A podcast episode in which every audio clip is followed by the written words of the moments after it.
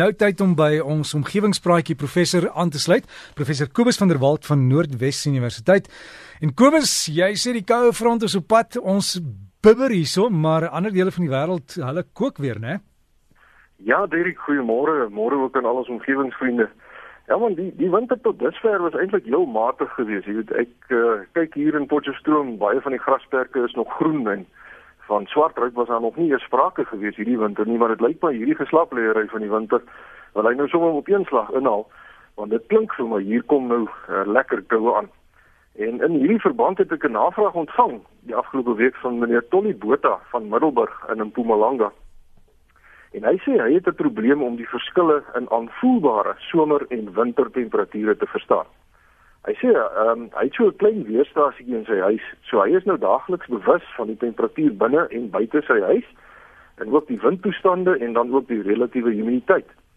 Maar hy het nou al opgemerk dat as mens nou twee soortgelyke dae kry, die een nou in die winter en die een in die somer, waar die temperatuur, die humiditeit en die windtoestande basies dieselfde is, dan voel dit vir hom warmer in die somer as wat dit vir hom in die winter voel. Al is die twee dae se temperatuur dieselfde. En nou vra hy of daar dalk ander faktore ook is wat die aanvoelbare temperatuur kan beïnvloed. Nou baie dankie meneer Botha vir vir die vraag. En temperatuur is inderdaad 'n baie interessante onderwerp. Want ons as mense word nou eintlik maar slegs aan 'n baie klein deeltjie van die temperatuurspektrum, as ek nou so 'n woord kan gebruik, blootgestel hier op aarde. Jy weet wetenskaplikes het in laboratoriums nou al dit reg gekry om van die laagste temperature wat daar kan wees uh, en ook uh, baie ontsaglike hoë temperature uh, te bereik. Die teoretiese absolute nulpunt is minus 273,15 grade Celsius. En die laagste temperatuur wat nou al ooit deur die mens in 'n laboratorium geskep is, is baie naby aan daardie absolute nulpunt om presies te wees slegs 1 10 miljardste van 'n graad Celsius bokant die absolute nulpunt. En die eksperimente om dit nou uiteindelik reg te kry, het 9 jaar lank geduur. As ons na die ander kant van die spektrum kyk, dan sien ons dat daar by die Groot Hadron versneller in Switserland en Frankryk waar die wetenskaplikes nou protone tot baie naby aan die snelheid van lig versnel en dit dan met atoomkerne laat bots, temperature van tot so hoog as 10 triljoen grade Celsius bereik word. Dit is 625000 keer warmer as wat dit binne in die son se kern is. So dis geen wonder dat baie mense aanvanklik bang was om met daardie eksperimente te begin nie. Maar nou gelukkig duur hierdie ontsaglike hoë temperature slegs vir klein breekdele van 'n sekonde en dis ook uh, op atoomvlak. Dis bitter klein deeltjies van die werklikheid waar dit nou so warm word en dan is dit ook maar verby. Nou ja, gelukkig beleef ons mense nou nie sulke temperature nie. Uh, want die laagste temperatuur wat nou ooit op aarde gemeet is, is -89,2 grade Celsius by die Russiese Vostok basis in Antarktika en die hoogste temperatuur is 4 jaar gelede in Libië aangeteken toe die kook tot 'n allemintige 58 grade Celsius gestyg het. Maar dit ek hoor vanoggend vroeër dat jy gesels dat daar nou nuwe rekords aangeteken is. Ek het nou nie dit raak gelees nie, maar 58 grade Celsius is verskriklik warm. Ja, ek het gou gekyk hier Kobus of of dit korrek is uh die 58 grade, maar iemand hierso sê daar is 'n plek gewees wat hier by die 60 grade bereik het. En dis lyk my alles in die Midde-Ooste, die temperature daar is besig om net te klim. Jy weet vir hulle is 53 niks. Ja, ja, ja. Nee, ek sien ook ek het uh, op op Facebook het ek uh, op ons bladsy het ek 'n bietjie inligting geplaas van dat die die temperatuurrekords, die hoë temperatuurrekords is ook besig om te spat reg oor die wêreld nou in die noordelike halfrond, soos wat klimaatsverandering se se uitwerking nou sigbaar word. Maar in alle geval, of dit nou minus 89 grade is of 60 grade positief, Uh hierdie tipe temperature is sogenaamde droëbol temperature. Wat beteken dat dit gemeet word met 'n gewone termometer.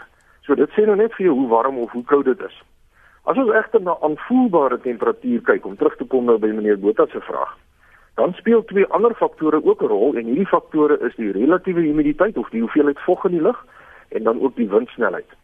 Nou die hoeveelheid vog in die lug bepaal hoe effektief ons liggame deur sweet afgekoel kan word as dit nou warm word.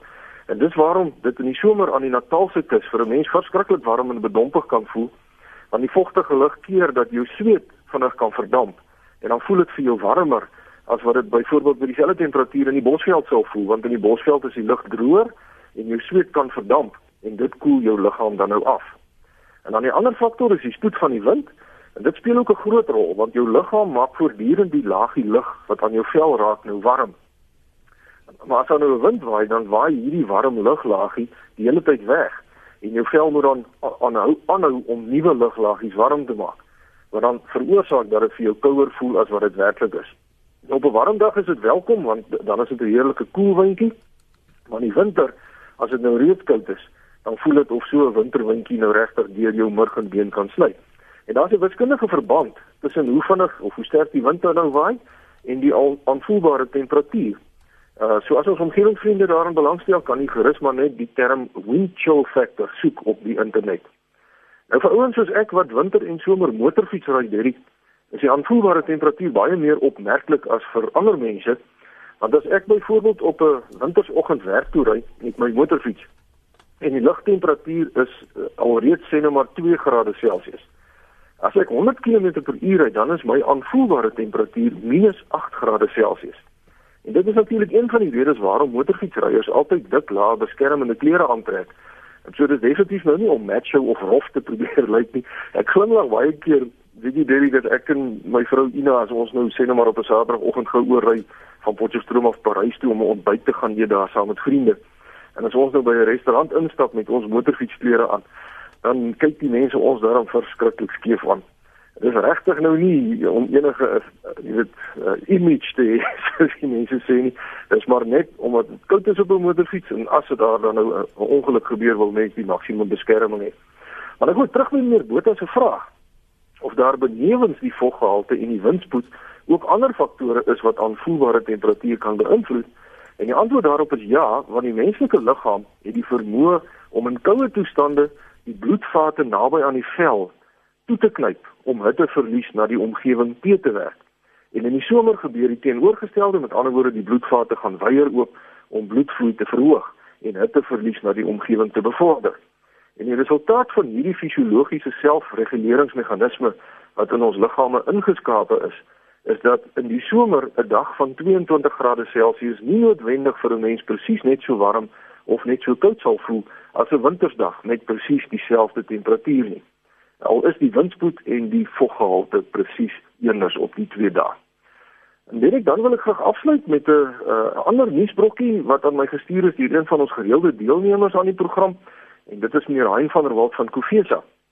En dit gaan oor 'n kontrak wat so 2 maande gelede gesluit is tussen nasionale en internasionale maatskappye om 'n 13 miljoen euro belegging op die Vrystaatse goudvelde 'n werklikheid te laat word. Nou dit is verskriklik baie geld. En hierdie klomp geld gaan gebruik word om aardgas en ook helium uit die gesteentes rondom die Welkom, Virginia en Tennyson areas te ontgin. Nou tans is Suid-Afrika 'n invoerder van helium, maar die nuwe aanleg sal meer helium produseer as wat ons plaaslik kan gebruik. So dit skep 'n baie goeie uitvoerproduk want helium word nou nie net gebruik om ballonne op te blaas vir partytjies nie, maar dit is ook nodig vir die produksie van televisieskerms en ook om supermagnete van magnetiese resonansie af te koel en nog baie ander toepassings. So dit beteken dat die vraag na helium wêreldwyd voortdurend toeneem en dit is dus 'n uitstekende uitvoergeleentheid vir ons land. En dan die aardgas waaruit die helium geproduseer sal word, lê nou in gesteentes wat relatief vlak is. Dit is maar omtrent so 400 meter diep en die bewese reserve is tans soveel dat hierdie die leeftyd van hierdie gasveld in die orde van 24 jaar sal wees. So dit is 'n lekker groot ekonomiese inspuiting. En dan benewens die helium sal die gas-ekwivalent van 81000 liter diesel per dag ook geproduseer word. Ehm um, so dit is nou alles baie goed en die plan is dat die produksie binne 3 jaar op dreef sal wees. Ehm um, maar die prosesse om die nodige omgewingsmagtigings te bekom is tans aan die gang. Uh en jy weet dit is baie goeie nuus, maar as die ding nie reg bestuur word nie, kan dit natuurlik ook in 'n nagmerrie ontaard.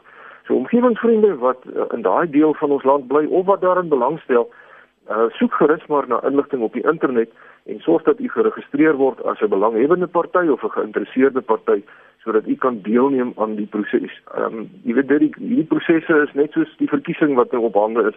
As jy nie gaan stem nie, dan moet jy nie later kla as daar iets fout loop nie. 'n Mens het nou die geleentheid om deel te neem, so ek ek moedig ons omgewingsvriende aan, sorg dat die dinge regloop want dit is 'n goeie ding, maar hy kan ook sy negatiewe kante en daarmee sluit ek nou af vanoggend. Skryf gerus vir my by kobus.vanderwalt by nwu.ac.za of soek maar net na omgewingspraatjies se Facebook bladsy op die internet. Ek hoop almal het 'n lekker snoesige wintersdag en vriendelike groete tot 'n volgende keer. Aggie Kobus sê met die Olimpiese spele wat kom ons 'n bietjie gesels oor Rio en hulle groot strande en die impak van die Olimpiese spele. Ek sien almal pak uh goed vir die insekte wat daar voorkom. En ek ek weet ook hulle winkels is oop van 10 tot 10, 10 in die oggend tot 10 in die aand omdat dit baie keer so warm daar is, né? Nee? Derek, ja, ek weet nie of dit is sommer dit so Die ouens sien ekonomiese, jy weet, ouens sien net dollars jong, al al die ja. besoekers van reg oor die wêreld. En so, maar ja, goed, nee, ek sal 'n bietjie kyk daarna vir volgende week. Kobus, alles in die Wes en lekker naweek en warm bly. Dankie Derek, dieselfde vir jou en al ons omgewingsvriende. So gesels Prof Kobus van der Walt, Noordwes Universiteit, kan hom e-pos kobus met 'n k kobus.vanderwalt by nwu.ac.za of gaan loer op Facebook. Omgewingspraatjies die meervoud omgewingspraatjies sluit aan en kry die inligting